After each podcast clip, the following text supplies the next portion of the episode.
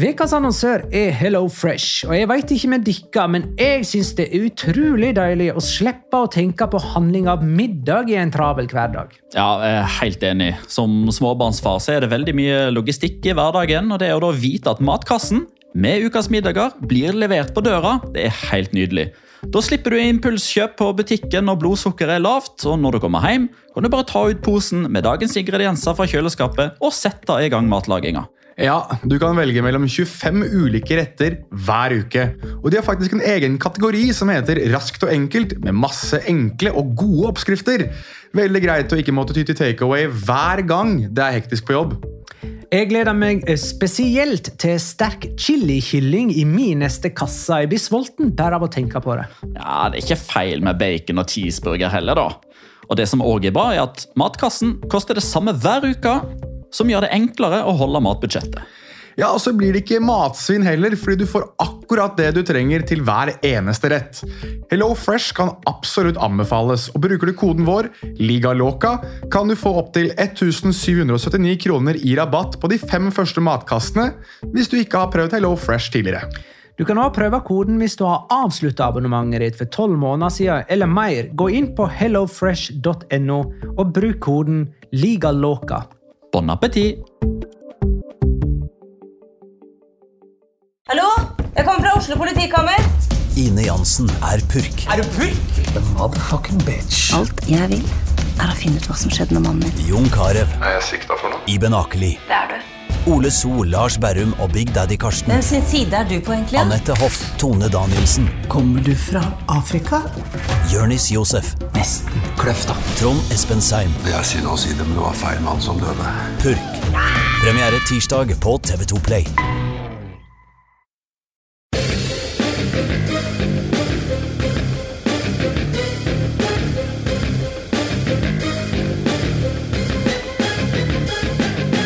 Har du sett? Fotball vant på La Ceramica da Villarreal tapte 4-4 mot Barcelona. Fotballen vant òg på Alcoraz da Uesca og Celta Vigo tapte 3-3 mot hverandre. Valencia har for lengst slutta å tape, mens Atletico har ikke vunnet på kamp nå på 13 år. Nå får det briste eller bære. La liga loca. En litt gærnere fotball. Ja, ja, ja, ja. Dette er episode 70 av det ordinære slaget. Jeg tror vi har blitt enige om at dette er en eh, såkalla ordinær episode, selv om det er fredag ettermiddag. Eh, med meg, Magna Kvalvik, hei, og Jonas Giæver, hei. Og Petter Velland, hei. Et ekstraordinært hei. Hei. I dag skal vi snakke om de 35 målene som ble skåra i midtvekerunden, de avgjørende overtidsskåringene, de hinsidige, hinsidige 4-4- og 3-3-kampene som involverte nedrykkstrua storlag, og eh, de potensielt helt avgjørende kampene som kommer nå i helga, f.eks. Barcelona og Atletico. Det er bare å gå i gang, er det ikke det? Dropp smalltalk. real Barcelona 4-4. Partido Loco var det noe som kalte det. 2-0 til Barcelona ble til 4-2 til Villarreal, ble til 4-4 med to overtidsmål for Barcelona. Eh, Messi med frisparkmål eh, i tre seriekamper på rad, men ja, det er nå bare litt av det som skjedde her, da. Hvor høyt hadde Villarreal vært på tabellen dersom deres beste forsvarer ikke heter Ramiro Funes Mori? Ti. Da hadde det vært på tiendeplass. Nei, ni. I og med at det, det, det, liksom, det, det er klin umulig å komme seg inn mellom 9. og 10. plassen.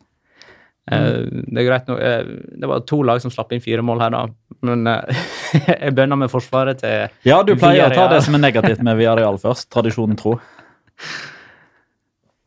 Ja, det hadde vært langt høyere. Ja, men altså Jeg har ikke snakket nok om hvor dårlig Ramiro Fonos Mori sånn egentlig, eh, egentlig. Jeg synes jo ikke de det, det er litt rart å si, men jeg synes ikke at det forsvaret til Villarreal så så elendig ut hele tiden.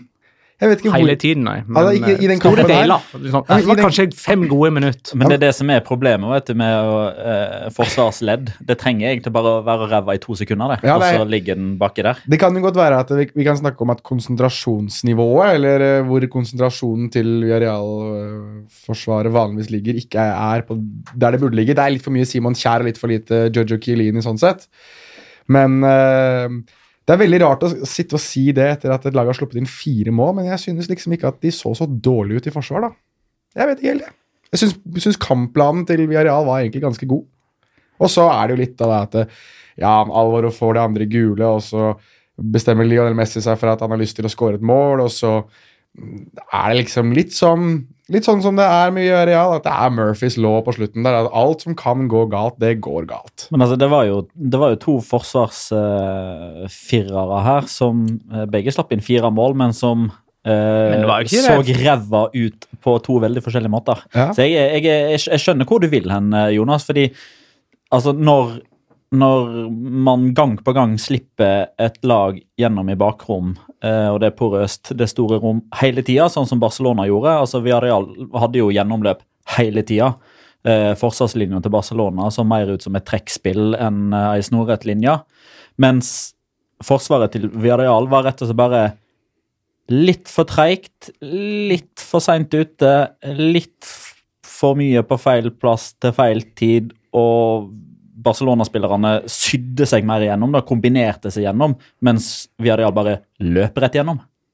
Mm. Eh, For eh, ja, men la oss eh, Vi tar den forsvarsdelen først nå, da. Eh, For både Omtiti og Longley har fått mye kritikk eh, siden denne kampen. Rasmus Jacobsen skriver jeg syns Omtiti var forferdelig dårlig mot Villarreal. Han så treig og umotivert ut. Longley er jo nødt til å være førstevalget med Piquet i de store matchene. Ja, det tror jeg, eh, slik ståa er akkurat nå, så det burde være sånn, ja. Etablerte ikke med Omtiti som nummer to eh, ved siden av Pikera eh, på mandag. Vi gjorde for så vidt det, men Har vi, har vi endra mening etter det, det her? Ja, jeg endrer mening i hvert fall, hvis vi skal ta høyde for at neste Kall det Ja, så nå er det jo to storkamper på rad. da. Eh, Barcelona først eh, mot Atletico Madrid og så mot Manchester United. Og da mener jeg at akkurat sånn ståa er nå, så burde jo Piquet og Longley være de som man foretrekker. Eh, rett og slett for at de har sett mer samspilt ut. eh, Sett mer solide ut, sikre ut. Altså Vi snakket jo blant annet i, i Det var vel den andre liga eller klassikon, da de vant 1-0. Eh, da synes jeg at de to, uh, Piquet og Longley, virkelig viste toppnivået sitt i en storkamp. Uh, hvordan de egentlig ganske effektivt bare nøytraliserte alt sentralt hver gang uh, Real Madrid kom igjennom. Det synes jeg var, var et stoppepar som viste at de begynner virkelig å få god kommunikasjon og godt samspill. Og hvis Umtiti skal ligge på det nivået som han gjorde mot Villarreal, eh, ja, da tror jeg det kan bli gøy både å hete Diego Simione og Ole Gunnar Solskjær eh, uka fremover. Syns uh, Chukwueze herja bra med Longley. Mm, det gjorde han. Og Alba. Og egentlig alle som hadde på seg uh, blaugrana farger. Ja, han eh, skal snakke litt mer om han etterpå. og Han er eh, veldig, veldig bra. Ja, ja, vi skal snakke mer om han, men nå har jeg lyst til å gå inn på angrep og det som skjedde offensivt der. Altså, Da kommer man ikke helt utenom uh, Chukwueze. Nei, man gjør ikke det. Man gjør faktisk ikke det, altså. Han var et angrep alene. Men uh, har ikke du kritisert han Petter for å mangle sluttprodukt? Jo. jo. Ja, han gjorde han jo, gjør jo det. Ja, han gjorde jo, mangla jo det her òg, selv om han traff Ja, den altså, ene gangen. Jeg vet ikke om jeg nødvendigvis har kritisert han, ikke i form av den saginga som Jonas hadde på Ekambi sist. uh, som heller ikke hadde øyne som gikk så veldig mye opp denne gangen, men han så nå i hvert fall at Ter Stegen gikk ut og blokkerte innlegg. Nei, han gjorde faktisk ikke det. Eh, men eh, nei, men altså, det jeg påpekte da, var vel at det som han har mest å jobbe med, det er litt sånn som, samme som med Vinicius. Altså, de, de har alt som skal til. eh, men så lenge de fortsetter å brenne sjanser og slå innlegg bak mål etter å ha gjort disse fantastiske tingene individuelt først, så da er man liksom tilbake til start. Det ser jævla flott ut, men det, det gir jo til slutt ingenting. Men nå, nå begynner det å begynner å lukte litt av han, og det var vel eh, relativt tidlig i 2019. Og så skrev jeg på Twitter at 2019 det er året mm, fotballverden virkelig stifter bekjentskap med Samuel Chukwueze. Han har en utkjøpsklausul på 40 millioner euro. Snakkes til sommeren. Nei, men eh, det var vel AS som meldte at det, nå er det 63 millioner euro. At det visstnok er feil, den 40 millioner euroen. Oh, ja. ja, da får vi enda mer penger, da. Ja, det var snakk For om han at, blir jo ikke.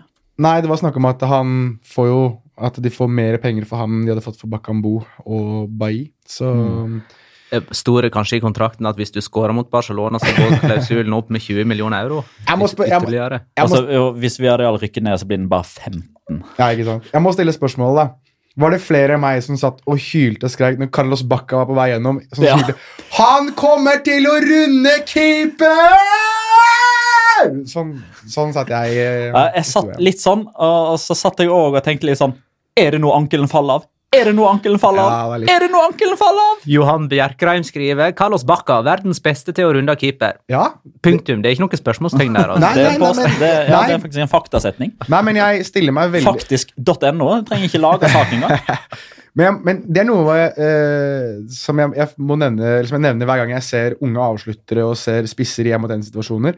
Altså, det, det er en sånn dark art nesten som man, har glemt å gjøre mer av. Bare det å så finne ut keeper og gå rundt. Altså, det, det er, jeg husker Raoul nevner jeg veldig ofte i forbindelse med dette. Raoul var kongen av det. Å vise en skuddfinte, få keeper til å legge seg, og bare runde og legge det i nettet. Var fantastisk på å gjøre det. Ruud van Nistelrooy også ble veldig god på det etter hvert. Men, men flere og flere unge angripere har det med at de skal prøve å avslutte tidlig, være kjappere i avslutningsøyeblikket. Men hvis du bare er litt, litt i kyla, ser litt på hva Carlos Bacca gjør, og som Petter nevner her altså Bakka ser jo ut som han holder på å falle sammen hver gang han løper. og Det er, det er ikke han vi kødder med det. Han det ser ser ut som en av de der øh, nå husker jeg, Er det Transformers de heter? De som plutselig liksom går fra å være en ting til en annen. Han ser ut som at han plutselig bare skal bli noe helt annet. Ja, men han runder keeper og legger den Altså Han gjør det jo hver gang. Det er ikke sånn at eh, han plutselig finner på Altså, Du vet at eh, det er sånn død skatt og Carlos Bacca under keeper. Det er, det er eh, sånn det har blitt. Men litt sånn til unge angripere som, eh, som håper jeg, eventuelt sitter og hører på. da, altså Perfeksjonerer du det og prøver å runde keeper Hvis du gjør det godt nok i enhver situasjon, så vil du enten skåre mål med mindre du bommer på åpent mål. da, så Ja. Det kan man jo aldri gardere. Så Husk å trene på avslutninger også, hvis du er ungspiss. Eh, Eller så får du straffe. Um, Barcelona møter jo Atletico Madrid eh, til helge. Den tenkte vi skulle ta til slutt, eller litt seinere. og da kan vi snakke mer om eh, Barcelona og eventuelt eh, Eller ja, hvilket lag de bør stille i eh, den kampen. Men uh, uh, vi må ta et spørsmål her fra La Leo Loca 03. Hvor mange andre enn Messi har skåra frisparkmål i tre serierunder på rad i La Liga? Jeg vet at han gjorde det for uh, litt over et år siden. Det er det eneste jeg vet. I så henseende. Ja, jeg vet bare om Messi, som har gjort det to ganger på rad. Altså sånn, Han har skåra tre direkte frisparkmål i tre seriekamper på rad. To sesonger på rad. Men uh, eneste spilleren jeg kom på som har skåret hat trick på frispark, må jo være Espen Ruud. Han gjorde det i Norge en gang. Sånn. Ja, ja, I en og samme kamp? En og samme kamp. Ja, jeg tror han hadde tre Han og, og Sinisa Mihailovic men jeg også har gjort det. Så det er det neste Messi må gjøre. da. Nå har han skåret tre frispark på rad i kampen. Nå må han skåre tre frispark igjen i samme kamp. Her var, det- var vel 2-2 da Messi kom inn, var ikke det? Han kom inn, han kom inn på 2-2, ja, så Jeg skåra vi til Tiborra med en gang. Rett etterpå. Messi-effekten, der har du den. Så de, de klarte nå i det minste å lede 2-0 uten Messi. Men de klarte å slippe inn to mål òg, og så ytterligere ett rett etter at han eh, kom inn. Um, Villarreal møter Real Betis på søndag borte. Kvart på ni. Har du forhåpninger, Petter? Nei, eh, jeg har ikke det. Eh, altså, Noen ganger eh, når jeg blir eh, si Villarreal-supporter, når det er han som, som trer fram i hjernebarken, så pleier jeg av og til å finne litt sånn forhåpninger og knagger og finne liksom, positiviteten på. Eh, men så kommer jeg jo i dette studioet her da, og blir saga hver gang av deg, spesielt Magna. Så nei, jeg finner ingen lyspunkter. Hadde ikke de en ganske pen rekke med seire før de tapte mot Celta Vigo? Jo da, de hadde fire på rad i Ja. alle turneringer. Og så reiser de jo seg på en måte med, deretter med med 4-4 mot Barcelona. Ja de gjør jo det. De gjør det. Og hadde, hadde man spurt meg før kamp Tar du 4-4 mot Barcelona? Yes. Mm. Det hadde jeg. Men, men du legger merke til hvor, eh, hvor skoen trykker litt for sånn breddemessig i Villarreal når Alvaro Gonzales blir utvist, og det er Danielle Bonera som skal inn. Da tenkte jeg Jeg, tenkte oppriktig talt at Danielle Bonera han, altså, han må jo være 56 år gammel nå. 36, tror jeg. Eh, 37, har, kanskje. du, har du en Locora i forbindelse med denne kampen, Magna? Eh, ja. Ok, men, ja, Da skal eh, jeg ikke si det nå.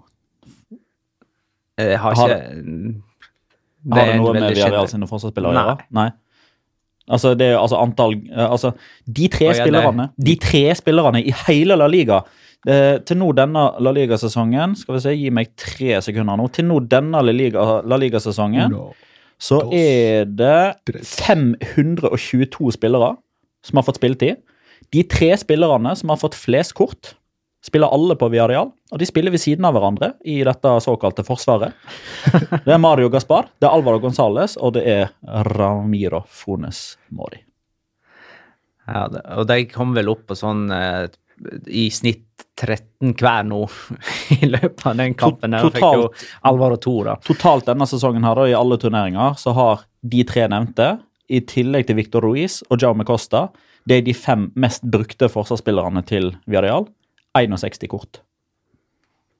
Fem delt på 61 der, altså. Det er det bare. Uh, vi må bevege oss videre til uh, Uesca Celta Vigo, som òg jo er en kamp i nedrykksstriden. Det er liksom der vi er nå, i nedrykksstriden. Eh, 3-3 på eh, El Alcoraz. Eh, og egentlig litt den samme type kampen. eh, Celta Vigo leder 2-0. Oesca snudde til 3-2. Celta Vigo utligna. Og tror ikke du at Iago Aspas er involvert i alle tre målene til Celta Vigo, med én skåring og to målgivende? Egentlig rundens spiller igjen, da. Ja. Ja, han hadde vært det. Han fikk jo ingen seremoni i vår forrige episode da han var kåret til rundens spiller, fordi at vi har hatt en seremoni fra han før. Eller en slags monolog. Hatt en monolog, Det- og så fikk han jo en liten Han fikk en, en liten, hva skal jeg kalle det for noe, et segment i podcast, eh. Ja, en diskusjon. Men hadde vært, det, jeg vurderte også, det er jeg som skal ha denne runden her, og jeg vurderte eh, egentlig uh, Jorge Polido også, eventuelt eh, ti minutters magien til Wesca, for de skåret jo tre mål på ti minutter. Og uh, det var jo fullstendig karabalikk i uh, forsvaret til, uh, til Celta, og Nei, det Altså, jeg synes jo The Great Escape er, eh, er en sånn kult eh, En kul greie, men, men det blir liksom en sånn ordentlig kalddusj da når Bodø Bo setter inn 3-3 helt på tampen. Eller ikke helt på tampen, det var faktisk ti minutter igjen. Men eh, jeg trodde vi skulle få, få enda en sånn redningsaksjon fra, fra Wesca. Igjen så er det Henrik Gallego, og igjen så er det Timmy Avila som starter det hele. Så det er, de to har liksom bestemt seg litt grann for at de skal, de skal klare det her. Det- Nest, eh, fra og med neste sesong så har for øvrig det spanske fotballforbundet bestemt seg for å nedsette en sånn uh, Dubious Goals-panel. Nei. Jo. Jeg bare kom på det nå, siden du nevnte at Bodø Fotballforbundet? Bos uh, skåra. Ja, for det, var er jo kanskje et sjølmål der. Sjølmålet på Echeita, ikke Ja, det? muligens. Uh, men nå har man visstnok bestemt seg for å sette ned en sånn komité som skal etter hver serierunde gå gjennom alle skåringer. Forbundet, sa du? eller? Forbundet, ja. Ja. Ok. For å ta tilbake igjen eh, si, den muligheten til å eh, å si, ja, eh, Nå er det jo Marca som er den som på mange måter nominerer de spanske spillerne til gullstøvelen. da. Nå Fra og med neste sesong av så blir det sannsynligvis da Fotballforbundet. Det er eh, da Vi kan eksklusivt eh, avsløre at det er Pedrito Numeros, Mr. Chip og Petter Wæland som sitter i dette Dubious Goals eh, panel. Det er helt riktig. Ja, riktig. Uesca ligger altså helt eh, Fake sist. altså. Eh, Det er sju poeng opp til trygg grunn. De har skåra like mange mål som Valencia, som er nummer fem. Men det sier kanskje mer om Valencia. Ja, og så har du Sånn. sluppet inn 72 mål mer. Nei, Cirka. Nei, ja, de har sluppet inn 53. Ja. Eh, En liten overdrivelse som virkemiddel der, altså. Uh, Celta Vigo er nummer 18, poenget bak uh, Real. Uh, Martin Sørensen spør uh, Klarer Celta, nei, Aspas å holde Celta oppe nærmest på egen hånd? Han måtte jo ut her nå, men han ga vel, altså det var vel sånn trøtthets... Ja, det virker altså de, Celta har ennå ikke kommet med en såkalt parte medico, som er liksom en sånn medisinsk rapport som kommer etter hver kamp. Eh, Der sto derimot Bryce Mendes. Eh, Så det, det har eh, altså Celta har liksom kommet med sine skadenyheter etter den kampen, og Aspas var ikke en del av den. Uh, Så han, han kan per definisjon spille mot Real Sociedad. Uh, Spørsmålet er jo om han da vil risikere. For, for jeg var jo inne på det her på mandag. Det kan hende at det å bruke han mot Uesca kan uh, redde poeng, men, men det kan være skadelig på sikt. Og man så jo at med en gang etter den involveringa som ga eh, 3-3, så bare Nei, jeg er ferdig, jeg, jeg klarer ikke mer. Det som var, det som var litt uh, spenstig med det, var det at det var Bodø Bo så jo, eller var det Bofall som så mer gira på å få han av banen enn Ja. en Aspas selv. For De sånn, jubla jo nesten ikke. nei, for de måtte få han av! Få han av, for han skal aldri ha noe mer! Det er han som skaper alt.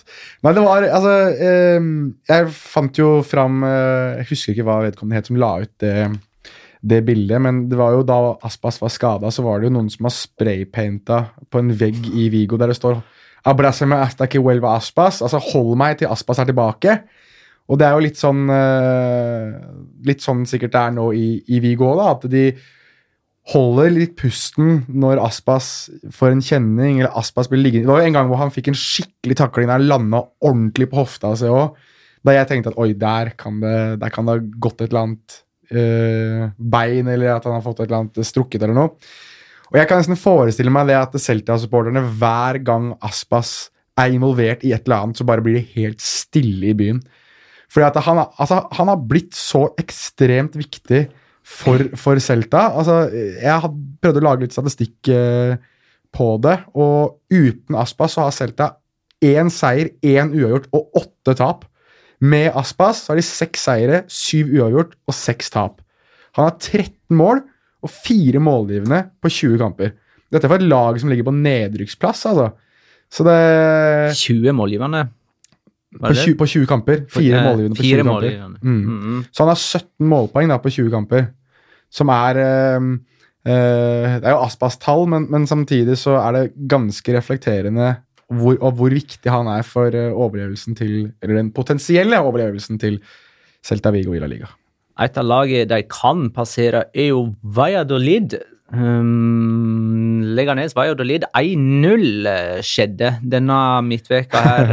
Én seier på ni eh, seriekamper for eh, Valladolid. Leganes virker jo rimelig trygge nå, da, men hva skal Ronaldo eh, gjøre med dette Valladolid de siste Han, ukene? han må gå litt mer på treningsstudio, og så må han ut og skåre mål for de sjøl. For det, de er jo helt evneveike foran mål. 14 målløse kamper denne sesongen. Etter 30 serierunder så har toppskåreren skåra tre mål! Bra, Tre mål! Det morsomste med hele den kampen her, synes jeg, var jo altså Først og fremst så må vi jo gratulere eh, Guido Carillo med endelig å ha overkommet Magna Kvaliks forhekselse, Tok fire måneder. eh, Nei, fem tok det faktisk. Eh, Med Carillo ble, eller Carillo, Carillo. Carillo. Carillo ble matchvinner for Leganes eh, Mm. med sitt første mål siden 1. desember 2018. Og Og det var òg mot Det var òg mot Valladolid, ja. og det var Det var 4-2 borte, det, ja. Og jeg kåra han til rundespiller, for han Sånn. uh, skåra to i den kampen. Ja. Eh, Ringen slutta der. Ja. det, dette var jo i forbindelse med at han hadde blitt kjøpt eh, Han ble jo kjøpt i januar i fjor til Southampton for 200 millioner. Eh, og, og var en fiasko der. Eh, men hadde en ganske bra høst Ja. i Leganes, så jeg, jeg sa faktisk Jeg har funnet fram sitatet på det jeg sa eh, da jeg kåra til rundens spiller. Det som kan være i ferd med å skje, med mindre jeg jinxer dette fullstendig, tradisjonen tru, er at Carillo til sjuende og sist ikke koster så 15 ei krone, for det han leverer nå, kan være egnet til å skyte verdien hans opp igjen fra null til f.eks. 200 millioner kroner. det har ikke skjedd, jeg vet. Det har ikke skjedd, jeg vet. Det var et forsøk. Men, må, men vi må snakke bitte, bitte litt, grann, eller i hvert fall nevne altså, Jeg har aldri sett en forsvarsspiller så sint som Havi Moyano etter uh, skåringa så sinna. Han var så sint, han! Han var så forbanna! Sto og Hvorfor var han sint? Jeg er ikke helt sikker på hvorfor han var eh, Det var fordi dommeren blåste av kampen med en gang de Og var det derfor han var sint? Jeg tror Ja. han var sint på bare all hele situasjonen. Jeg. Men han var så forbanna! Sto og slo i lufta. Jeg var nesten og- litt overraska over at det var gul farge på det kortet som kom. Og at han ikke bare flekker opp direkte rødt. Fordi det var en sånn Husker når Piquet ble utvist på San Mames? ja. eh, når han da tok rennefart og hadde en sånn aggressiv kroppslig holdning når han, eh, når han henvendte seg til assistentdommeren. Han fikk jo direkte rødt kort. Eh, Var han, det- han var snill. Var det den der uh, Tecago eller Puta Madre-situasjonen? Ja, det er jeg ganske sikker på. Jeg bæsjer på horemora di, som Ja. vi ville oversatt det på norsk. Den siste nedrykksrelaterte kampen vi tar nå, det er Eibar Rayo Vallecano 2-1. Noe som betyr at eh, Rayo blir liggende nest sist. Det er seks poeng opp til eh, trygg grunn. Eh, Den norske supporterklubben til Rayo, Rayo Norvega, er veldig tilfreds med at Petter gir laget 10% sjanse til å overleve. Det var 10% mer enn det de hadde regna med. Alltid hyggelig å hjelpe. Ett poeng på to kamper under Paco Hemes.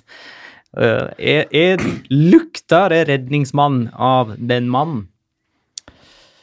Nei, akkurat nå så gjør det jo ikke det. Ja, Men det gjorde ikke det på den dagen det ble offentlig heller. Nei. Han har 19 kamper på rad nå i La Liga uten seier. Han hadde jo 16 17 på rad når han da hadde fått fyken i Las Palmas og Og Granada. han kom for å redde Las Palmas, jo han, kom ikke han sånn midt i den sesongen? Eller, jo. Og eh, nei, nå har de jo Valencia på hjemmebane eh, på, nå til helga. Eh, Der blir det jo maksimalt ett poeng, for Valencia taper jo ikke. Og så har de Atletic borte. Det er jo et, et, et, et topplag. I, uh, hvert fall på formtabellen. De har Sevilla på bortebane. De har Real Madrid på hjemmebane. Herregud.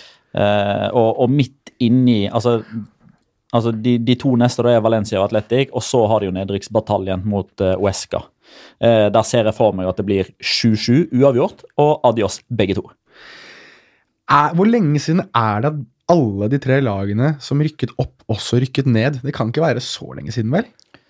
Det Fordi mener jeg fast bestemt er tilbake eh, ganske mange år, jo. Er det det? Ja. tror jeg jo er ganske mange år. Fordi jeg synes det, det ser mer og mer sannsynlig ut at det kommer til å skje nå.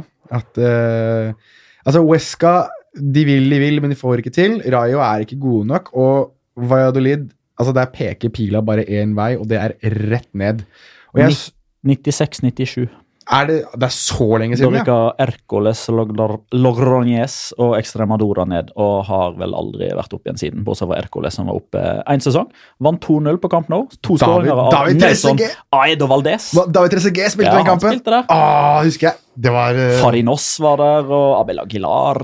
for et lag. David Cortés uh, fikk vel uh, to gule uten å bli utvist. Nelson Aedo Valdes, mannen som jobbet mest uten å få til noe som helst sånn egentlig. Han skulle to, da, så det er jo Var, var han det med, var han med der? 96-97? Nei, Nei, nei, nei, i 2010, når de ja. var oppe igjen. Den Ja, ene ja, sånn, De starta vel Jeg tror, jeg tror det var se- serieåpninga det året der. Ja, det var første bortekampen. Var det det det var, ja? Ja. Ok. De tapte hjemme mot Atletic, tror jeg det var, i første serierunde. Men jeg husker jeg satt og så den kampen sammen med kompisene mine. Jeg sa følg med på David Trezeguet og følg med på Nelson Ayedo Valdes. Så sa jeg det at Trezeguet kommer til å score. Ayedo Valdes kommer til å løpe og gjøre all jobben for ham. Så var det faktisk motsatt. Omvendt. Det var, det Ja, vi hadde ganske studiosending på det i gamle Kanal Pluss. Ja. ja. Var det- Jeg var der. Ja, det var du som kommenterte kampen. Ja. Eh, Ok, uh, så, ok, der uh, løfta vi nivået for hver eh, mann. Veldig, veldig bra. Du satt og så kampen på TV, jeg var i studio. Ja, jeg var der. Eh, Var det sludd i Eibar, eller? Ja, Det var jo forferdelig vær, men hei, Pedro Leon skåra for første gang på to år Mm. i La Liga. Oi, er det så lenge siden? ja, det var noe litt deiligere, da. Har nesten ikke spilt de to han. årene, da, vel å merke. Nei, Nei. han er jo skada halve livet, eller sånn. All right. Jeg tror ikke vi har mer å si om uh. Vi må opp i Jo, Champions det League. har vi, Eh, men eh, det er i Lokoraen. Å ja. ja, men det er greit. Men sånn i denne fasen, da. Neida, kjør videre. du. Eh, nå er det Champions League-snakk om bitte litt. Champions League-plass, snakk, osv. Uh, Kjør da! Valencia Real Madrid 2-1. Ja. Eh, Gonzalo Gedes og Ezequiel Garay skåra for Valencia. Eh, Benzema skåra et eh, slags trøstemål eh, på du- overtid. Hadde ikke du 2-1 på tippinga, Magne? Jo. Det er så jævlig surt, altså. Eh, men uh, kommer nok tilbake til det. Ja, jeg bare Jeg var usikker på Det jeg lurer litt på, om Og jeg snakker så ofte om eh, Det merker jeg når jeg kommenterer Valencia, at jeg snakker så ofte om eh, Gonzalo Gedes à la høsten 2017. Og når han skal liksom tilbake dit, da, nivåmessig, er han der eh, nå, eller? Han er definitivt på vei, da. Altså, eh, han er kanskje ikke der helt ennå, men, men du begynner jo å se øh, Kall det essensen av den GDS-en. Den, den, den, den spilleren som eh, Valencia brukte mye penger på, som de kjøpte på bakgrunn av det lånet de hadde. Og det er fortsatt litt for mye rusk i maskineriet, men han, han varte jo opp med en fantastisk scoring, da. Og det er jo igjen Du har liksom pratet om det sist sesong, Magnar, at eh, han, Har han egentlig ledd i kroppen sin? Fordi Det skriver Chris Robin Eriksen her i en eh, tweet til oss. Hva er det med GD sine ledd? Står omtrent helt stille og limer ballen i nærmeste Ja, men Det snakka vi om når han banka han inn på Benito Villamarin. Ja, det er det jeg mener. Han sto Ja. helt stille. Ja. Han hadde ikke tilløp da heller. Og det var fra sånn 30 meter, nesten. Nei, han, han er vel sånn der eh, Hva heter det for noe? Sånn der Tenk eh. Stretch Armstrong-opplegg? Han kommer til å se ut som Carlos Bakke han om ti år. Åh, han skal begynne å rydde keepere! Wow! Han kommer til å knekke sammen, Da. Nei, men virkelig, altså han eh, Valencia har trengt en type som han, da. En, en som kan gjøre vei i vellinga på egen hånd, og som har ekstremferdigheter som ingen andre i den troppen her har, og det har Geders. Og du, du ser det i litt større grad nå i, i, eh, på vårparten av sesongen enn åpenbart i høstparten, for da var han mye skada. Men eh, jeg synes det, det som er mest forfriskende med ham også, er det at han, han virker ikke som han er redd for å få ballen lenger. For det var jo i visse kamper hvor vi, hvor vi snakket litt om det at Geders nesten så litt ut som han var bekymra for at han kunne skade seg, eller han ville ikke gå ordentlig hardt inn i, i dueller som verken med eller uten ball, men nå synes jeg han ser litt fryktløs ut igjen. Og, og da snakker vi om en spiller som er i sin posisjon topp fem i La Liga, i hvert fall. Uh, og potensialet er jo skyhøyt uh, fortsatt. Men, men uh, ja, altså signalene er der for at Geders nå begynner å komme inn i den formen han burde være og skal være for, for Valencia. Og da snakker man at, han, at det skjer også i grevens tid, for nå er Valencia virkelig Nå kjemper de på virkelig tre fronter, og da må de ha en type som han. Abrahamsen spør jeg, hvor mange Champions League-titler hadde Valencia hatt de siste årene, om de hele tiden spilte halvparten så bra som når de møter Real Madrid på Mestøya? Jeg vet ikke om de spiller altså De spilte ganske bra denne kvelden her, og så slo de òg Real Madrid for to år siden, Mm. vet jeg. Ikke i fjor. Eller i Nei, Det hører vel egentlig til Altså, De har kanskje fått en litt bedre statistikk nå de siste to-tre årene, men før det så var det vel ja, altså Jeg husker Cristiano Ronaldo har jo reist derfra med hat trick og 6-2-seier et par Ja. ganger. Men eh, hvis vi tar utgangspunkt i denne prestasjonen, da, Her var de overlegne. var ikke de ganske gode? Al Jo. Eller, det var jo ikke overlegne i, altså, i ballbesittelse. Real Madrid hadde vel sånn 65 Ja, når de først men- hogga til, så sleit eh, Madrid med å henge ordentlig med. Og sjanseskapingen til Real Madrid var tynn. Altså, var så Utenom målet til Benzema, så hadde jo vel Marcelo et par Det var, avslutninger det fra var utenfor mange 16 meter. statistikkskudd.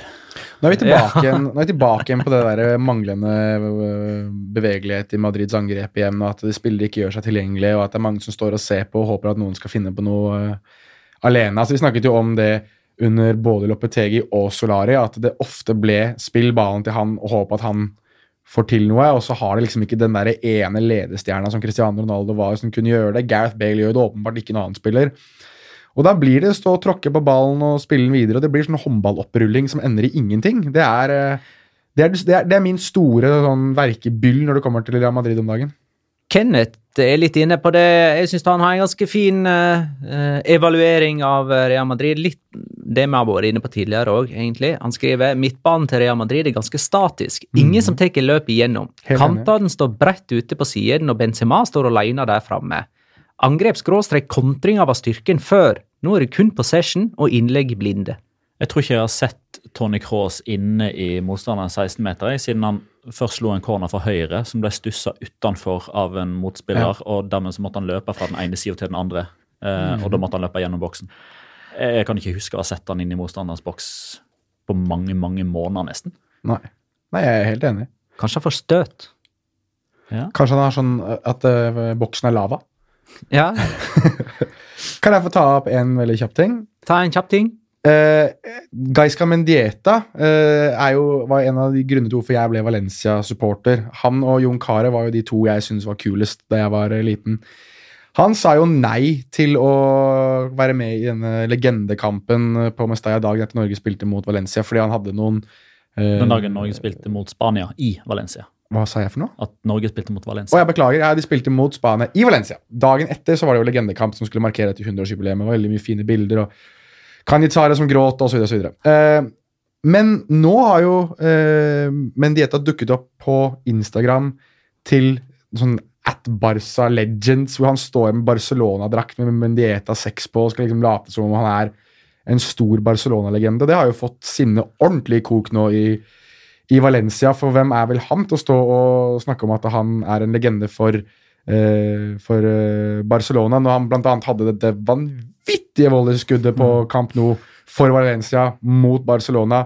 Spilte to Champions League-finaler for uh, Valencia, begge to tapte ham, bl.a. mot Real Madrid. Uh, og nå skal han liksom være en Barcelona-legende. Uh, bare nevne det at uh, sånn, sånn barndomshelter som knuser hjertet ditt. Takk for den, Gaiska Mendieta. Valencia er nummer fem. Nå er de plutselig bare ett poeng bak uh, Getafe, som spilte 1-1 mot uh, Español. eh, og står uten seier på de siste tre kampene, deriblant da på Mestalla, der det ble 0-0, som for så vidt var et sterkt Getafe-resultat. Vi kaller jo denne her kampen her for Getafe en slags lak lakmustest på om de skal være med i Champions League-kampen hele veien inn. Jeg syns de besto den, jeg. Du syns det? Ja. De lå under 1-0 og utligna ved Angel. Det var en ganske bra skåring. Som alltid når Retafe spiller borte og kampen ikke blir spilt i Madrid, så unngikk de tap. Eh, og Mm. hvis, hvis det nå er sånn da, at, det, at, at de skal fortsette å gjøre det, så, så tror jeg de er kapable til å ta nok poeng resten av sesongen til i hvert fall å, å holde med et, et stykke inn. Men det er klart at det, fordrer jo at ikke Sevilla, Valencia, Atletic eller mot formodning Alaves plutselig skulle begynne å få en sånn lang rekke med seire. Altså, det laget av de fem som nå er med i Champions League-kampen, hvis, hvis et av de lagene klarer å få en sånn lang rekke, da er det de som skiller seg ut. Fordi det, det fins nesten ikke seiersrekker for disse lagene her som er involvert i, eh, i, i Champions League-kampen. Altså, Retafe har vunnet tre kamper på rad, det er den lengste rekka de har hatt. Valencia har ikke klart å vinne tre kamper på rad i det hele tatt i La Liga denne sesongen. Sevilla vant tre eller fire kamper på rad i, i september-oktober, og Alaves har vunnet tre kamper på rad. Altså, ingen lag som kjemper om Champions League som har fire strake seire denne sesongen. Så poengtapene kommer såpass hyppig. Men uh, Valencia har vel 11 uten tap, i alle fall. Ja, og det bringer meg tilbake igjen til fordi Vi snakka om det på mandag. Uh, har, uh, var det ny klubbrekord, eller var det ikke klubbrekord? Eller var det beste siden 2002, eller var det beste siden 1942? Ja, jo jeg har funnet ut av hva som har vært årsaken til at noen har det ene og andre har det andre. Fordi I 2001-2002 da gikk Valencia faktisk 19 kamper på rad uten å tape altså uten å tape selve fotballkampen. Men de spilte borte mot Novelda i Copa del Rey. Eh, Den kampen vant de 1-0, men de tapte pga. at de brukte en spiller som ikke var spillerberettiget, i form av Dennis Serban. Så i de offisielle, statistikkene så står det som tap. Aha. Men nå har de altså 17 offisielle kamper rad uten tap for Jo. første gang. Men det er tapt, den kampen der. Når ikke du klarer å Ja, ja. stille med spillere som er berettiget til å spille, da har du tapt, altså. Det er helt riktig. Eh, Men så har du kanskje noen som da mener at de var kanskje enda bedre på banen i 2002 fordi de Det- hadde 19 på rad. Men da har vi, da har vi rydda opp i det rotet der. Men eh, nå er det så mange lag involvert i den eh, kampen da om Champions League-plass at eh, det, skal mye til om ikke de møter hverandre i en runde. Så Getafe, som jeg nettopp har snakket om, møter jo Atletic hjemme nå eh, på søndag. Og Atletic slo Levante 3-2. Et kjempeovertidsdrama! Det er jo bare så nydelig. da. Atletic leda 2-0. Levante kom tilbake, utligna i det siste spilleminutt. Atletic fikk straffe på overtid, og Monjain skåra. Fikk dere med dere La Gran Rajada av Levante-presidenten etter kampen, eller? Kiko Catalan? Nei. Altså, han bare Altså, han gjøv løs på alt og alle i fem-seks minutter. Mot eh, dommerne, mot VAR, eh, mot Ja, VAR eh, ja. sterke krefter ja, ja, Han mente jo at dette her var en komplett skandale.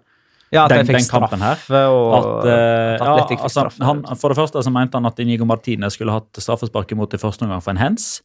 Eh, og han eh, mente at eh, det aldri i verden kunne være straffespark, det som Monjain fikk. Og at dette liksom bare kommer liksom på toppen av, av alt annet. Dette var jo da en, en, en, en, sånn si, altså, Levante hadde invitert de mediene som var på San Mames til å komme og høre på presidenten, for nå skulle han uttale seg. Det er sånn som skjer eh, titt og ofte i, i Spania. Eh, så han får jo da ordet, står og eh, raljerer i seks-sju minutter. Ingen oppfølgingsspørsmål, eh, tror jeg. Jeg tror ikke det var noen som turte. Eh, og så tok han jo runden på alle de store spanske radioprogrammene eh, etterpå, da, rundt, rundt midnatt. Han var på Cadena Copa, han var på El Larguero. Eh, og eh, på Karusell på Cadena C, der sitter jo Itoralde Gonzales, Dommeren. den tidligere toppdommeren, som nå er deres dommerekspert, eh, som alltid uttaler seg om hvordan dommerne har klart seg osv. Og, så og han kom jo da naturligvis med sine motargumenter, forklarer eh, hvordan han opplever disse situasjonene i dag, eh, og spør liksom Kiko Catalan ja, hvorfor tar du ikke med de eh, vareavgjørelsene og dommeravgjørelsene som har gått i deres favør. Da ble linja brutt, gitt. Nei, la han på, liksom? Det ble Nei, eh, det var forstyrrelser at på linja, det var forstyrrelser på linja. Noen kutta Og at feilen ikke lå hos Levante-presidenten. Det må skytes inn, men Og eh, sikkert en Rayo-supporter der også, som kutta kabler. Ja, det, det, det har forekommet, det. Uh, Gaisca Garitano, treneren til Atletic, uh, var i utgangspunktet trener ut denne sesongen. Han eh, tok jo over i eh, desember, men han har fått uh, forlenga til ut neste sesong nå, da. de har ordentlig troa på han når de forlenger så Ja. langt. Han har ikke fått fast jobb, han heller. Det er, ikke, det, det er ingen trenere som får fast jobb, selv om eh, mange hevder at Solskjær har gjort det. Men nå som han på en måte er eh, har fått en forlenga kontrakt, så skal han gjøre sånn som Solskjær og tape de resterende kampene. Ja, det er det som er risikoen. ikke, er ikke det, det, Det som det som er skjer da, når, jeg, Ja, ja. når jeg plutselig får den derre hva, man- hva man kan kalle det egentlig når eh, de skriver en kontrakt? Det er ikke permanent trener. Nei, Du får jo et eh, litt sånn eh, ja, Du er ikke fast ansatt. Det er på kontrakt. Ja, det er det. De er jo frilansere, hele gjengen. jeg, får- jeg får for, kanskje litt sånn uh, usynlig hvilepute, da. Ja. At nå, nå trenger du ikke lenger å bevise alle hva du er god for, fordi du har faktisk fått den kontrakten du ville ha. Mm. Jeg har eh, også en eh, nyhet som kom i går, som gleder jo mitt hjerte veldig. Eh, og pe gleder i hvert fall Petters hjerte. Og det er jo eh, Jeg husker ikke hvem det var som meldte, jeg tror det var Onda Zero som meldte at eh, Ivan Cuellar, keeperen, han er jo på utgående kontrakt nå i Leganes. Han har inngått en muntlig avtale nå med, med Valladolid om at hvis Valladolid overlever i La Liga, så skal Cuellar signere for dem. Hvis ikke, så er sannsynligheten stor for at han fortsetter i Leganes. Så uansett hva som skjer, 1920-sesongen, Ivan Cuellar står i mål et eller annet sted. Men vet ikke hvor mange minutter det tok av Leganes Valladolid litt før Ivan Cuellar satt ned og kjente litt ubehag i lysken? Syv. Sju minutter. Ok, men Jeg elsker det ble, det ble lite Atletic-prat i dette Atletic-segmentet Ja, vårt. Garatano tok altså over dette laget der de lå på 18.-plass. Nå, eh, i skrivende stund, om ikke talende, er de nummer åtte. Fire poeng bak Chetaffe, som er nummer fire. da. Eh, og de møtes altså til helge. Jeg har tro på Atletic. Og eh, Jan André Muraz Hagen lurer på nærmer Garitano seg tittelen som årets trener. Oi, det er godt. eh, vi skal jo nominere og kåre dette her på slutten av sesongen. Og det er jo, han må jo det nevnes, da. Ja, han må nevnes der sammen med Valverde og Bordalas. Eh, kanskje også Marcelino, i og med at han på mange måter har redda egne stumper. Det, det med Marcelino blir helt avhengig av hvordan det slutter, egentlig. Ja, det Ja. gjør det litt med Ja, det gjør det med alle, men altså, jeg mener Men jeg er Blir ikke det fjerdeplass, så, så er det på en måte ja, og Hvis de ikke- vinner Europaligaen og Copa del Rey. da. Nei, de gjør jo ikke det. sant? Så Hvis de taper den Copa del Rey-finalen når det ikke blir fjerdeplass, så er det helt slutt. Mens Garitano trenger ikke å redde den fjerdeplassen. Nei, det gjør han ikke. Jeg må si at det Garitano sitt eh, kalle Det er litt tidlig å si det, men hans, hans ettermæle i gåsetegn nå er jo, er jo at han virkelig har fått Inyaki Williams til å fungere. Altså, Så god tror jeg aldri jeg har sett ham, jeg. Som uh, mer som spydspiss og virker eh, motivert, virker påskrudd. Klarer jo faktisk å få avslutningene sine på mål. Det var jo hans store ankepunkt i flere sesonger. at han jo da, han løp seg til muligheter og hadde sjanser og så farlig ut, men han klarte jo aldri å plassere skuddet på innafor målet. Nå gjør han jo det gang etter gang etter gang. etter gang. Det er jo ingen som snakker om Adoris lenger. Jeg har ikke hørt noen Ikke noe sånn hashtag Adoris-seleksjon som var eh, pågikk. Nei, han er jo skada resten av Jo, men det er, ingen som, det er ingen som savner han sånn og tenker at vi må ha Adoris. Nei, det var litt sånn der. Adoris-avhengighetsfølelse før. Eh, Den Adoris dependensia. mm. Men det som òg er, som er litt sånn markant med Gaditano, er at han, han, virker ikke som at han er redd for å ta valg som kanskje framstår som litt upopulære for de som er på tribunen. Altså Ikel Monyein ble tatt ut i landslagstroppen og eh, fikk sin redebut. Altså sju år etter at han fikk debuten sin, så fikk han sin andre kamp. Kommer tilbake igjen fra landslagssamling. Eh, får null minutter mot Girona og starter jo kampen mot Levante på benken. Mm. Eh, og ja. Der er det ikke snakk om noe slitasje eller noe skade. eller sånn. Det er rett og slett bare, nei, Denne kampen her så passer det bedre at Inigo Cordoba starter. Han svarer med å ha målgiverne på 1-0 og er òg involvert i sjølmålet som blir til 2-0. og Så byttes han ut, og så kommer Ike Demoniain inn, skaffer straffe og skårer straffen. Det er bra coaching. I verdensklasse. Andre lag som er involvert i eh, Kampen om fjerdeplassen er Sevilla fortsatt. De slo Alaves, som òg er involvert i den samme kampen, 2-0. Sarabia med mål og målgivende. Tjuk, tjuk. Oppda brukte nøkkelordet 'gunner' i en statistikk-tweet om Sarabia, og Sevilla sin offisielle engelske konto svarer med 'Let's not give Arsenal any ideas'. og nesten alle svarene på den tweeten er giffer av Unai Emiri. det er det, ja. Hashtag Twitter, altså. Og hvis ikke Sarabia nå framover blir sterkt linka til Arsenal, da Da, da, da gjør vel ikke ryktemedia sin jobb, for å si det ja, sånn. Det er helt riktig. Men han, eh, han fikk jo spørsmålet etter kampen, eh, Sarabia, om hvordan det går med kontraktsnakket. For det har jo vært skriverier om dette her egentlig helt siden forrige sesong, egentlig. Eh, al altså nå i, i, sommer før denne sesongen så ble han jo linka både hit og dit, fordi han uh, har en lav utkjøpsklausul, som, som, han fortsatt har, i og med at det ikke har kommet til en ny kontrakt. Og jeg leste vel svaret hans eh, mellom linjene, typ sånn som dette her. Ja, nå har Monchi blitt sportsdirektør, så det spørs vel om vi ikke kommer til enighet snart. Ja, nettopp. Evel Banega var suspendert, så han uh, snakka ikke i går.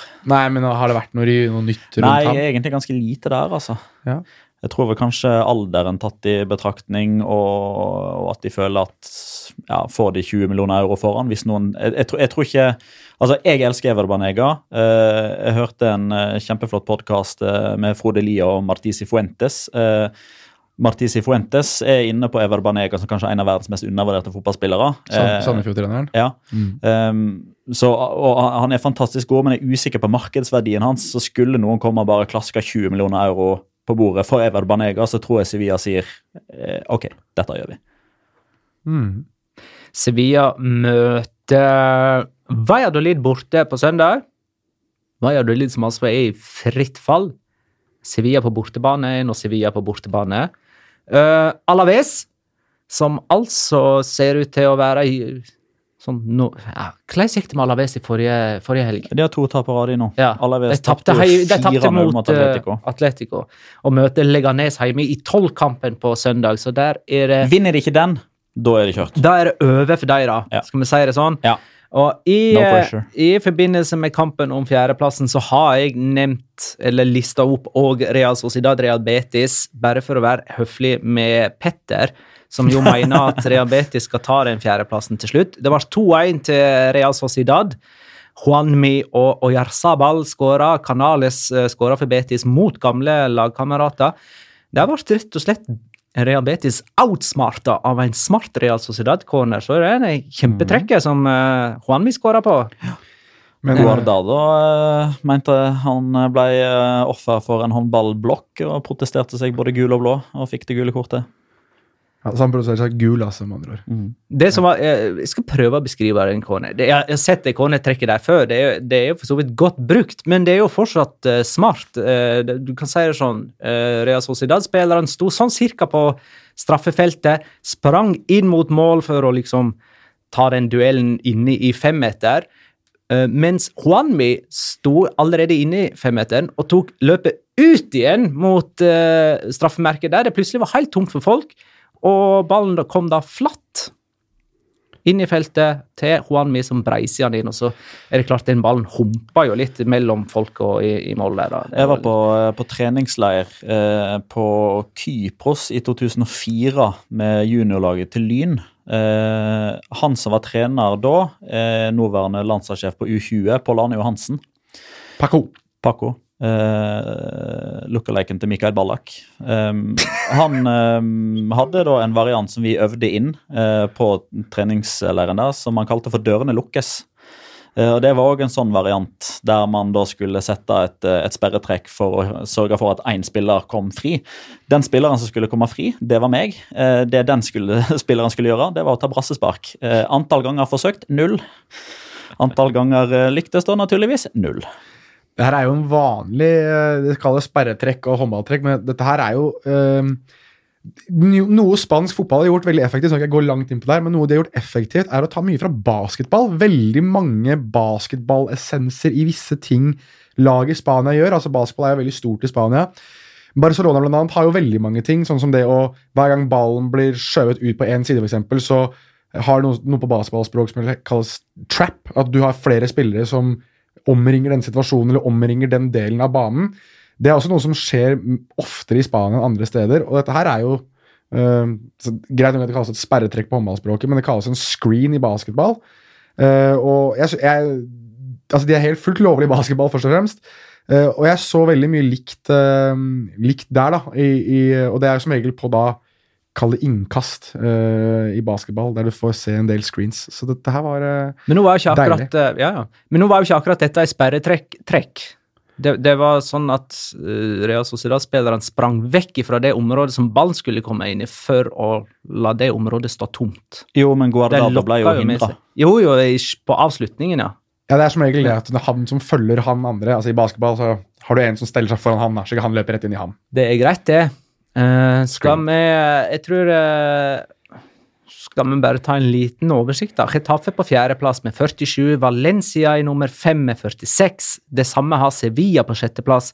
Alaves har 44. Atletic på åttende har 43. Så det er fire poeng som skiller fem lag der. da. Og så kan vi være hyggelige med Real Sociedad og Betis, som er nummer ni og ti, som er sju poeng bak eh, fjerdeplassen. Det er jo fortsatt muligheter. Eibar og legger ned seg åtte poeng bak. Ja. Altså, nå, nå, med, på én plass må vi stoppe. det er jo litt, eh, litt uh, Igjen, vi snakket om det for et par episoder siden, men de kontrastene nå mellom sesongene til Valencia og Real Betis, de, de, de begynner å ja. utkrystallisere seg noe ordentlig her nå. altså. Mm. For nå er de helt nede på tiendeplass, og jeg så vel det var vel Jeg smuget etter litt på den spørsmålsgreia vår i dag. og uh, Da var det en som stilte spørsmål om Kikkesett igjen uh, kunne være ja, på vei vekk. det var Alexander Larsen. Var det det? Mm. I hvert fall, Han stilte spørsmål om det, og, og han har jo et godt spørsmål nå, altså, fordi eh, det har ikke sett bra ut der på lenge, synes jeg. Greit ganger at de spiller seg ut bakfra, men det, er, det resulterer jo i nada. Det ser ganske fantasiløst ut. Ja, det gjør det. Uh, og det samme gjelder jo faktisk på dødballer, for jeg ser ikke Rehabetis ta disse dødballtrekkene som f.eks. de ble ofre Diego Leines har jo vært enormt skuffende etter de første to-tre kampene. Ja, han var, han var så lovende. lovende. Nå er han liksom helt borte. Skjebnesvangert balltap nå når eh, Real Sociedad uh, skåra seiersmål òg. Christian Theo byttet ut og så fly forbanna utover det. og Han er vel kanskje den eneste som har vært litt positiv nå den siste tida for eh, Betis. Så, eller iallfall som har vært, vært utelukkende positiv. Så Nei, jeg begynner å frykte litt for dem, og for igjen også, faktisk. Skal vi bevege oss til denne helgens storkamp, eller? Barcelona Atletico Madrid på kamp nå, lørdag 2045. Det er åtte poeng mellom laget i favør av Barcelona. Atletico må vinne for at vi skal kunne si ei liga. Mm. Ja, men det kan vi jo bare hogge i stein. Så på mandag neste gang vi spiller inn, eh, H eller U, da er det fram med champagnen på vegne av Barca. Eh, blir det B, ei liga. Da vil, ja, det vil være fem poeng. Er Diego Costa ute, eller? Nei, han og Morata trente igjen i dag. De gjorde det? Mm. For det har ikke kommet noen tropp, eller? For det er, nå når vi sitter her, så er det et drøyt døgn til den kampen, og da pleier disse troppene egentlig å komme. Men eh, det har litt med når de har sin siste trening å gjøre. Mm. Ingen tropp, eh, Petter? Jeg ser du er inne på Ingen tropp. Ingen tropp. Nei, men da har ikke vi den. Uh, men uh, Atletico uh, slo jo Girona her 2-0. Eh, den eneste kampen vi ikke har snakket om, vel. Eh, fikk du, Jonas, en slags eh, bekreftelse på det der Dr. Jekyll og Mr. Hyde-greien du snakka om sist? Altså Atletico som var så bra, med 4-0 borte mot Alaves først, til det som for meg så ut som en ganske tannløs kamp hjemme mot Girona før de skåra et kvarter før slutt. Mm. Nei, jeg bare understreker det jeg sa siste episode, jeg, om det med at uh, Atletico Madrid er det nye Real Madrid. At du vet aldri helt uh, hva du får. Den kampen der syns jeg igjen de er, eh, de er dårlige. Altså, hadde Seido Dumbia hett Cristiano Stuani, så hadde Girona leda 1-0. uh, lenge før Diogo Godin skåret, skåret eh, 1-0-målet, og det kommer jo igjen det er en VAR-avgjørelse og litt sånn forskjellig. og det er, det, er, det er- mye som er keitete med dette her Atletico Madrid-laget innimellom. altså. Jeg synes det ser så seigt ut innimellom. det, ja, ok. Det, ja, men det er Seigt der, altså. skikkelig seigt! Ja. Um, Barcelona sparer jo både Messi, Rakitic og Piqué. Virker de veldig avhengig av Piqué? Eh, var det liksom spørsmålet som meldte seg eh, da han ikke spilte mot eh, Villarreal? Ja. Ehm, og i altså, Messi og Rakitic kom jo inn, da, men da gikk jo òg Busquets og Arthur ut. Det samme eh, gjorde Coutinho. Men var det for å spare han til eh, denne kampen her? Nja, jeg vet ikke helt. Jeg, jeg anslår vel at Coutinho starter, men du, Ja, du tror det? Ja, jeg tror det, men uh, Det er flere som spør om ikke Malcolm er mannen å gå for her. Men altså, Malcolm var jo en av de bedre i El Clásico. Mm. Eh, og så gikk det vel en sånn sju kamper eller sånn før han fikk spille neste gang. Og da skårer han igjen. Ja, men eh, en god Malcolm-prestasjon betyr ikke nødvendigvis at han starter neste kamp. Men Det var altså, poenget mitt. han må jo snart ha overbevist flere enn bare sånn supportere. Ja, nei, det ser ut som det er flere som har Malcolm i midten. Ja, for det er jo en ting at han eh, kan faktisk spille spiss. Mm. Eh, og Luis Suárez er nå litt sånn så der. Men eh, han veit jo aldri helt hva du får av eh, Men litt sånn i forlengelsen av den eh, om Titi Langlais-debatten, så var jo òg Viareal Barcelona et nytt prov på hvor god og, og viktig Gerard Piquet har eh, vokst seg til å bli utover sesongen. Altså i, i begynnelsen, august-september, da var han, eh, da var han litt seig. Ja. Eh, da var det litt for mye Davies Cup, eh, litt for mye Shakira, litt for mye La Decision, eh, utenomsportslige greier. Men jeg tror han har nytt ekstremt godt av å ikke reise rundt Ja. og bli pepe på på hjemmebane for Spania og lange reiser med, med landslaget. Han ser rett og slett helt, han ser nesten ut som en, en sånn ny seks-sju år yngre utgave av seg sjøl. Han spiller jo landskamper for Catalonia, mens eh, de andre spiller for Spania. Og hysje på publikum som synger Sergio Ramos-sanger. stemmer det. Det er jo også eh, Piqué har jo vært litt i, litt i hardt vær i spansk presse nå. Eh, fordi han, han forklarte at eh, Barcelona-spillerne har jo en sånn WhatsApp-gruppe, altså meldingsgruppe, eh, der de prater sammen. Og innimellom, så, så visstnok ifølge Piqué, så inviterer de inn TV-personligheter og folk i pressen, sånn Thomas Roncero og folk som er veldig polariserende. Inviterer de inn i gruppa, og så bare harselerer de masse med dem, og du er en dust og eh, skam deg og masse sånn, og så før de egentlig rekker å si noe, så kaster de dem ut igjen. Og det har jo Piqué eh, blitt kalt Han blir kalt eh, en mobber, blant annet, i, i spansk press osv. for det. Jeg synes jo det er litt festlig, jeg, da. Det var i samme program det som han eh, påpekte at han hadde større formue enn Spanjol hadde budsjett. Ja, stemmer det. Ja. Det, skulle, det var vel et sånn humorprogram, var ikke det? Ja, det var det. Var det. det Sagt med et glimt i øynene, selvfølgelig. Nok til å provosere Spanjola. Uh, Atletico har legekamp Barcelona på kamp nå under Simione. Har ikke vunnet der siden desember 20, 2006. Oi. Ja, det er lenge siden da. Det er det. Uh, da skåra Torres to mål og Maxi Rodriguez ett. Henrik Larsson skåra for eh, Barcelona. Det er 18 offisielle kamper vi snakker om. Er det mulig? Altså. Ja. Mm. Ja, ja. Er det mulig at det skjer her, eller? Hvem veit vi Veit vi at noen er ute her for Atletico? Jeg har ikke helt oversikten på ja, det. Lucas Hernandez er jo Ja. ferdigspilt. Og det er det. Barcelona stiller seg ikke med, eh, og protesterer hvis eh, det tror jeg tar feil. Ter Stegen, Mm. Sergi Roberto på høyre og Alba på venstre. Piqué og Longley. Uh, Busquets som djup, Rakitic og Arthur eh, på hver side av han. Messi på høyre, Coutinho venstre og Luis Suárez. Det er jo per nå den beste elveren Barcelona kan eh, stille. Kan Dembélé bli klar igjen? Jeg tror at de sparer han til Manchester United. Det er for øvrig Barcelona sin neste kamp igjen. Mm. Som er, det er altså på Blir det onsdag, eller? Onsdag. Ja. Onsdag, ja. Det er onsdag? På Old Trafford. Trafford. Ja, ja, men vet du hva? Vi tar dette som vår tippekamp med. Mm. Så da kommer den eh, oppdateringen på, på status der. Eh, forrige kamp var altså Valencia-Real Madrid, eh, som endte 2-1 med GD som første, må, første målskårer. Petter hadde 1-1 med Rodrigo. Det er null poeng, du står på 18. Jeg hadde 2-1 til Valencia, og Parejo det er tre poeng, sant? Ja. Da har jeg 21 da. Jonas hadde 1-0 til Valencia med Parejo som første målskårer. Det er ett poeng. Opp på innpå. eh, 14. det er da. Barcelona Atletico 2-1. Lionel Messi. 2-0. Suárez.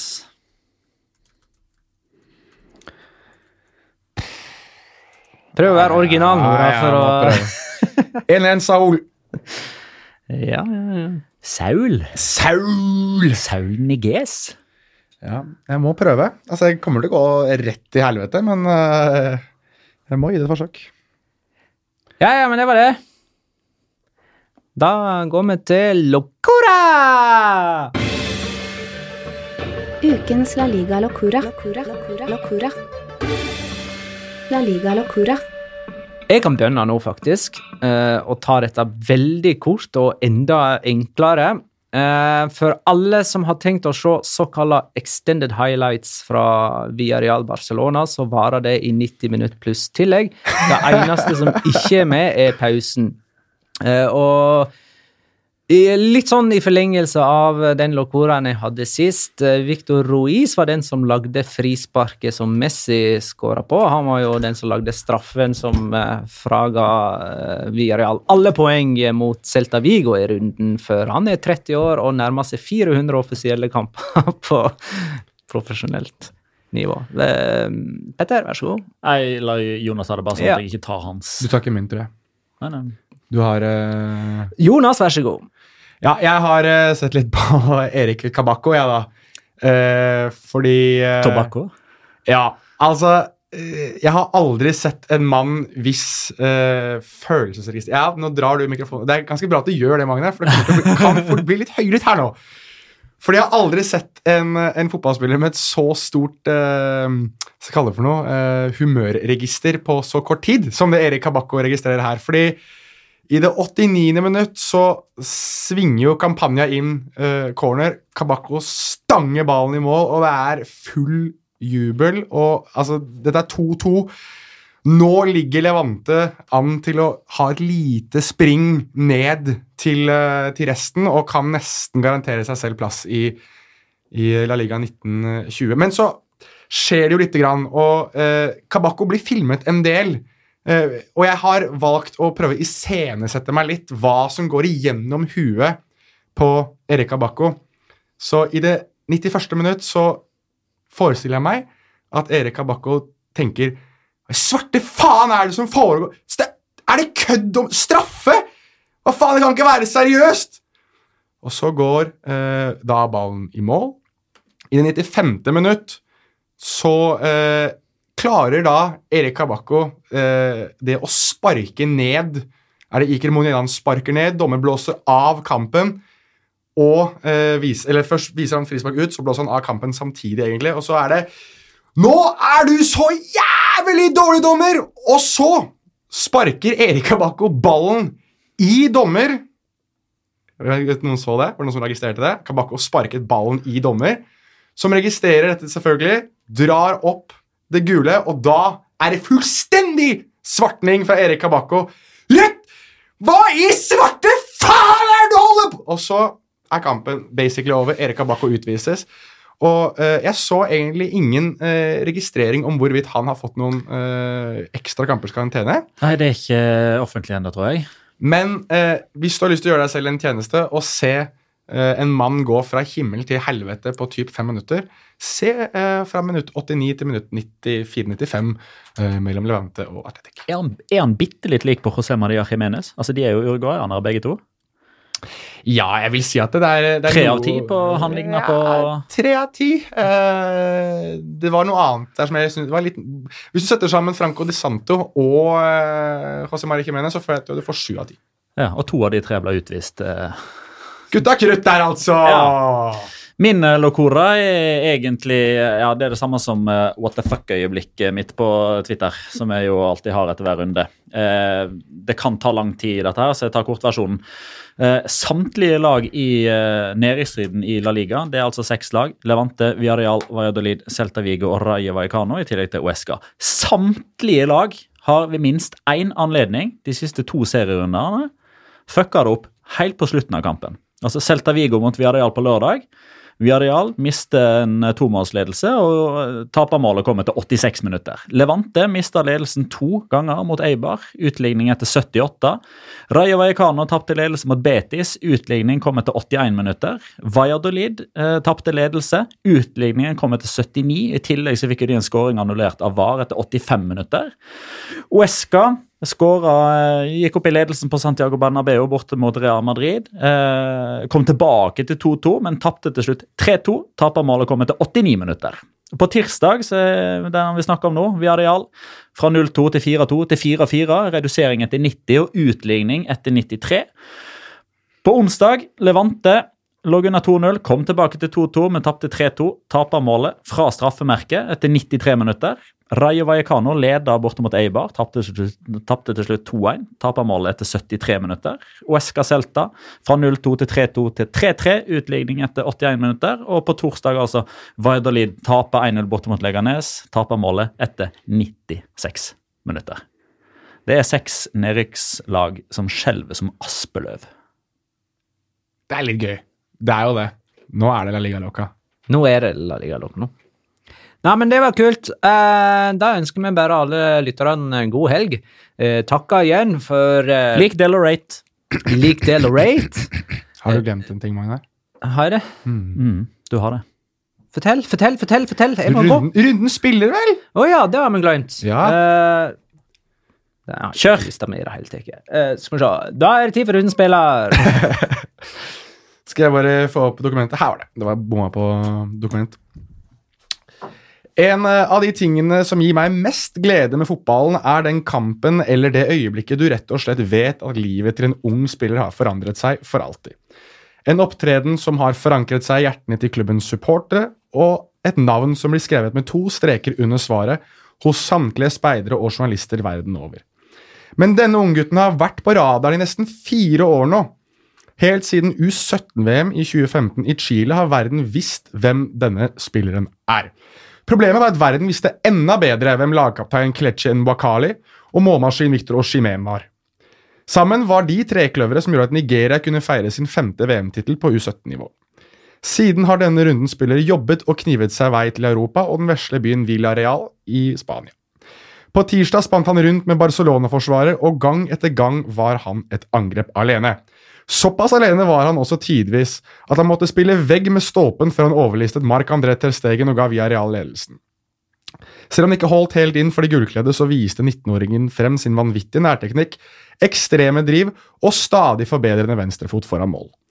Ja, Du blir kanskje ikke overrasket hvis jeg forteller at hans store idol er en annen spiller hvis fart og venstrefot fikk forsvarere til å fortvile. Gutten som nylig ble kåret til årets unge spiller i Nigeria, ser nemlig opp til Arjen Robben. Og tenk dere, en dag i framtiden kan vår egen Magnar Kvalek si Jeg husker da jeg sto i heisen med Samuel Chokwese. Den gangen var ikke Magnar sikker på om det faktisk var ham. Men etter å ha revet Barcelona i fillebiter på La Ceramica, er det ingen fotballelsker som ikke nå vet hvem denne nigerianeren er med det vanvittige rykket. Og nå ligger verden for hans føtter. For en utkjøpsklausul på 63 millioner euro kan fort vise seg å være småpenger for spilleren som nå har steget ut av skyggen til sine jevnaldrende stjerner på ungdomslagene til Nigeria. Og han kan også være mannen som viser vei ut av Villarreals mørketid og skyter den gule ubåten til fornyet La Liga-spill i 2019-2020. Gratulerer til rundens spiller, Samuel Chukwese. Hey. Er det første Villarreal-spiller som har blitt kåra til rundspiller? Det er det vel? Er det ikke det? Ikke Santi Casola, altså? Jeg fikk ikke Santi Casola. Jeg tror han spilte i en sånn midtvekekamp da han skåra to mål for eh, Real Madrid, og var da nærmest å bli Ja, det var en sånn sånn Ja. torsdagsvariant. hengekamp etter eh, klubb-VM. Det kan være det stemmer, det.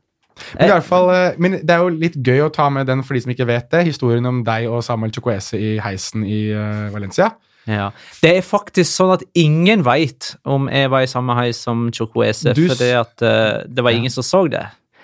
Du, Og det som var greia var at jeg gikk ut av heisen, og en VRA-spiller kom inn mens jeg prøvde å ringe Jonas på telefonen min, og dermed hadde jeg øynene der.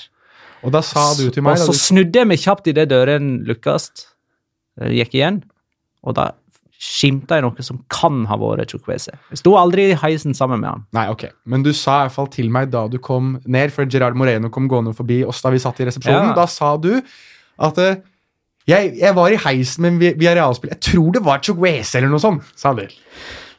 Som jeg håper Det kan håper, ha vært han. Jeg håper jo at Chukwese nå blir verdens beste fotballspiller. For da kommer jeg til å kunne fortelle den historien i mange mange år. At Ja, tror, tror det var han der Chukwese eller noe sånt! Og da får du nesten bare fortelle han sånn som du eh, ønsker å fortelle den historien. Fordi sannhet, sannheten skal aldri ødelegge en god historie. Det- det- Helt riktig, Jonas. Nei, men Tusen takk for alle innspill og spørsmål til denne episoden. Takk for at du liker oss på iTunes og skriver kjempehyggelige kommentarer. Tusen takk for at du lytta, kjære lytter. Ha det, da.